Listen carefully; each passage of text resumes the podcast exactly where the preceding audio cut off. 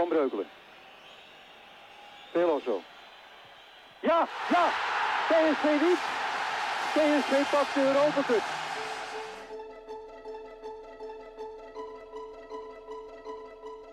De jaren 80 in Brabant. Sportief gezien is er alle reden om te juichen. Die die schitterende omhaal van Sanchez pakte in de wedstrijd tegen Madrid kort voor het einde van die Maar het succes van PSV staat echter in schril contrast met wat er bij de naamgever en dan nog hoofdsponsor van de club allemaal speelt. Als het Philips ooit duidelijk moet zijn geweest dat niet langer eenzijdig een beleid kan worden doorgedrukt tegen de wensen van de bond en een merendeel van de werknemers in, dan is het vandaag. Het gaat in die jaren bepaald niet goed met Philips. Ooit de trots van de provincie en van Nederland. Tegenvallende bedrijfsresultaten leiden tot reorganisaties. En die zorgen weer voor stakingen. Zo gaat het in die jaren die volgen trouwens ook bij die andere grote werkgever in de provincie, DAF. Wij zijn afgeschreven. Bedankt meneer Baan. Je hebt het goed gedaan. Slaapt u lekker. Je hoort hier een boze werknemer over het faillissement in 1993. Maar hoe anders is dat vandaag de dag? Waar de provincie tussen eind jaren 70 en begin jaren 90 door een diep dal ging, staat het nu te boek als een economische powerhouse. Ruim de helft van alle patentaanvragen in ons land heeft een Brabants etiket. En hoe dat komt, dat ga ik uitzoeken.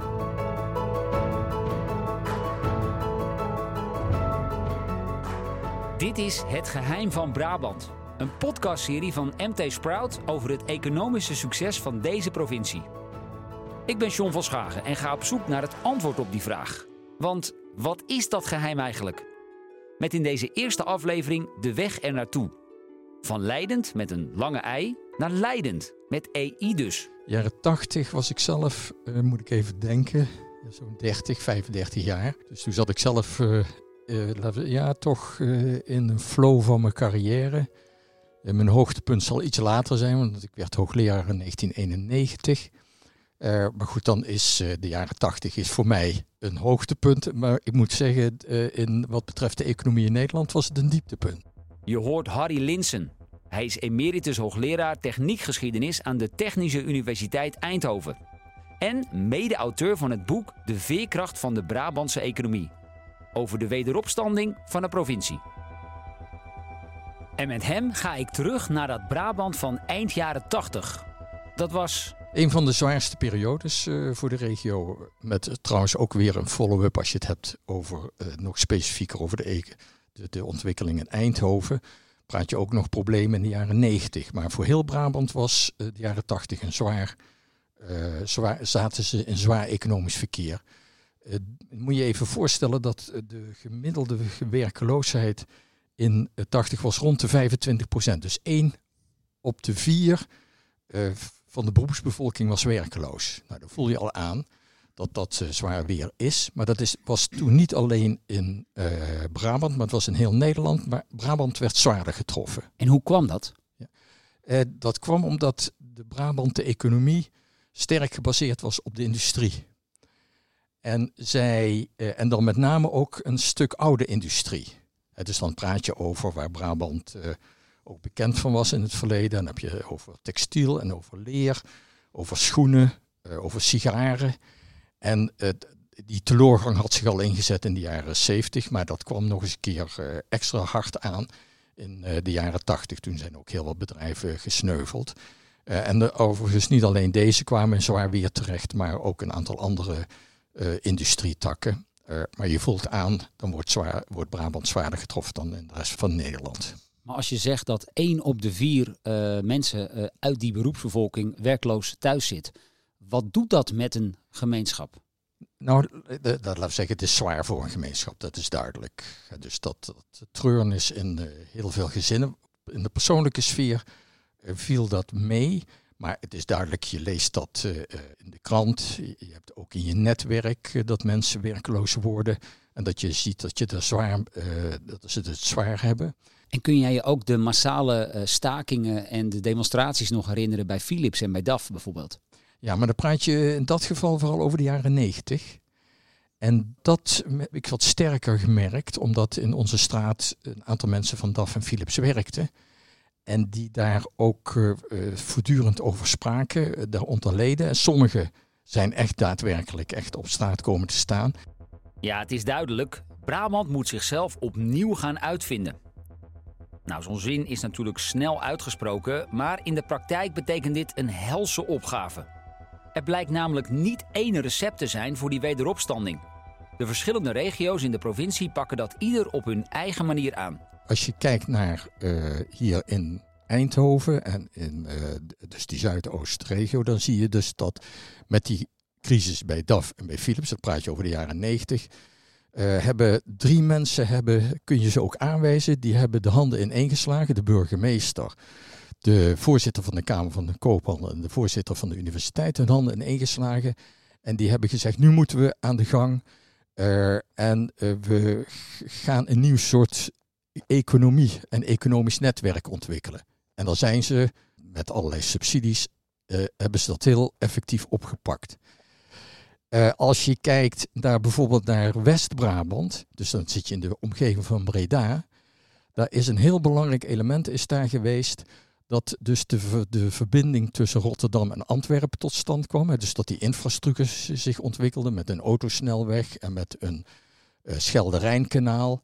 En met de, nou, alles infrastructuur eromheen. Daar is het weer de nationale overheid die daar zwaar de hand heeft, in heeft gehad. En die, een ontzettende stimulans voor die regio is geweest. Uh, dan heb je uh, een regio als rond Den Bosch. Dan heb je het over Noordoost-Brabant. En daar zie je een hele krachtige Kamer van Koophandel. Die allerlei initiatieven nam op het gebied van onderwijs. Op het gebied van ook weer infrastructuur. Uh, dus die infrastructuur is voor Brabant is dat ontzettend belangrijk geweest. Dat die tot ontwikkeling kwamen. daar heb je dus uh, allerlei hele mooie voorbeelden wat, dat, uh, wat een push heeft gegeven. Midden-Brabant, rond Tilburg, die zijn een tijd lang blijven hangen in die textiel. En dan hadden die textielbaronnen, drukten daar zwaar op dat netwerk, zullen we maar zeggen. En dat heeft langere tijd geduurd voordat die echt uit dat dal zijn gekrabbeld. Die hebben het gezocht onder andere in de recreatie, maar ook het aantrekken van nieuwe bedrijven. Dat deden ze trouwens allemaal. Toen is Fuji gekomen, die de, de grote fabrikant van uh, film en filmrolletjes. Nou, op die manier. Dus dat is heel verschillend. Dan kun je niet zeggen, Brabant heeft daar één strategie, of de provincie heeft daar één strategie in ontwikkeld, hoewel die provincie natuurlijk ook belangrijk is geweest. En zo krabbelden die regio's er langzaam maar zeker weer bovenop. Zo tegen het einde van de vorige eeuw was de werkloosheid in de provincie teruggebracht naar ongeveer 5% Nou, meest in het oog springt natuurlijk de regio rondom Eindhoven, Brainport. Daar is de transformatie nog het meest zichtbaar geweest. Hier veranderen nog steeds doeners, denkers, onderzoekers en bestuurders samen. Alles wat wordt vastgepakt in oplossingen. Voor die tijd praat je over Eindhoven als een company town. En eigenlijk met twee belangrijke companies. Dat is enerzijds DAF. Dat is van oudsher is dat rond het katholieke netwerk. En anderzijds Philips. En dat is rond uh, van oudsher was dat het protestantse netwerk, het uh, uh, zeggen neutrale netwerk. En die bedrijven die zorgden voor je? Met name Philips was een totaal geïntegreerde organisatie. Dus die zowel op productiegebied, had die hele productieketen hadden ze, bij wijze van spreken van grondstof tot eindproduct, maar ook op het gebied van huisvesting en gezondheidszorg en uh, opleiding, dat soort zaken. Ze hadden ook trouwens een eigen politie. De terreinen waren ook allemaal afgezet, nou enzovoorts. Uh, als Philips dan, laten we zeggen, uit elkaar valt, dat is misschien niet helemaal het goede woord, maar wordt opgesplitst. Wat trouwens een zeer groot profijt voor deze hele regio heeft betekend. Want daarmee kwam er een grote hoeveelheid ondernemerskracht kwam er vrij.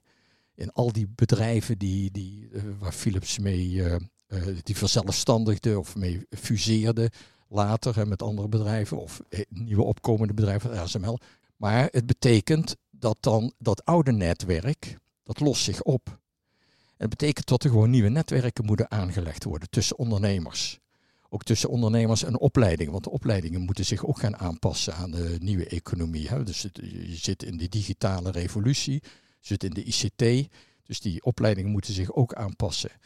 Je moet de gaten opvullen wat betreft de gezondheidszorg. Je moet de gaten opvullen wat betreft de woningbouw.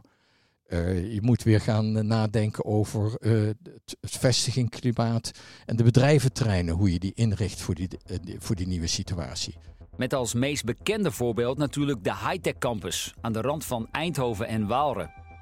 Ooit was hier het NatLab gevestigd, het natuurkundig laboratorium van Philips. Nu zijn er zo'n 300 high-tech bedrijven actief die werken aan belangrijke technologieën voor grote maatschappelijke uitdagingen. Denk aan nieuwe microchips en dunne filmtechnologie. Daarover meer in aflevering 2 trouwens. Deze vorm van samenwerking zie je bijvoorbeeld ook terug op het Pivot Park in Os, waar 60 bedrijven uit de medtech zijn geclusterd, werkend aan nieuwe medicijnen en oplossingen om gezonder ouder te worden. Als je nou probeert een algemeen beeld te schetsen van die verandering van die economie van Brabant, dan zie je dat heel duidelijk zie je dat terug in de statistieken. Dus kijk je naar heel Brabant als geheel en je kijkt naar de beroepsbevolking, dan zie je dus dat in 1970 eh, nog 60% in de industrie werkzaam was en 40% in de dienstverlening. En dan heb je nog een paar procent in de landbouw. Dus die transitie van landbouw naar een industriële samenleving, die was al gezet. En dan heb je in 1990, zie je het dan al andersom, 40% industrie, 60% dienstverlening. En kijk je dan vervolgens naar 2010, weer 20 jaar verder, dan zit je op 20% industrie wat betreft de beroepsbevolking en 80% dienstverlening. Nou ja, je voelt als een economie op die manier verandert, ja, dan, dan praat je echt over een radicale transitie.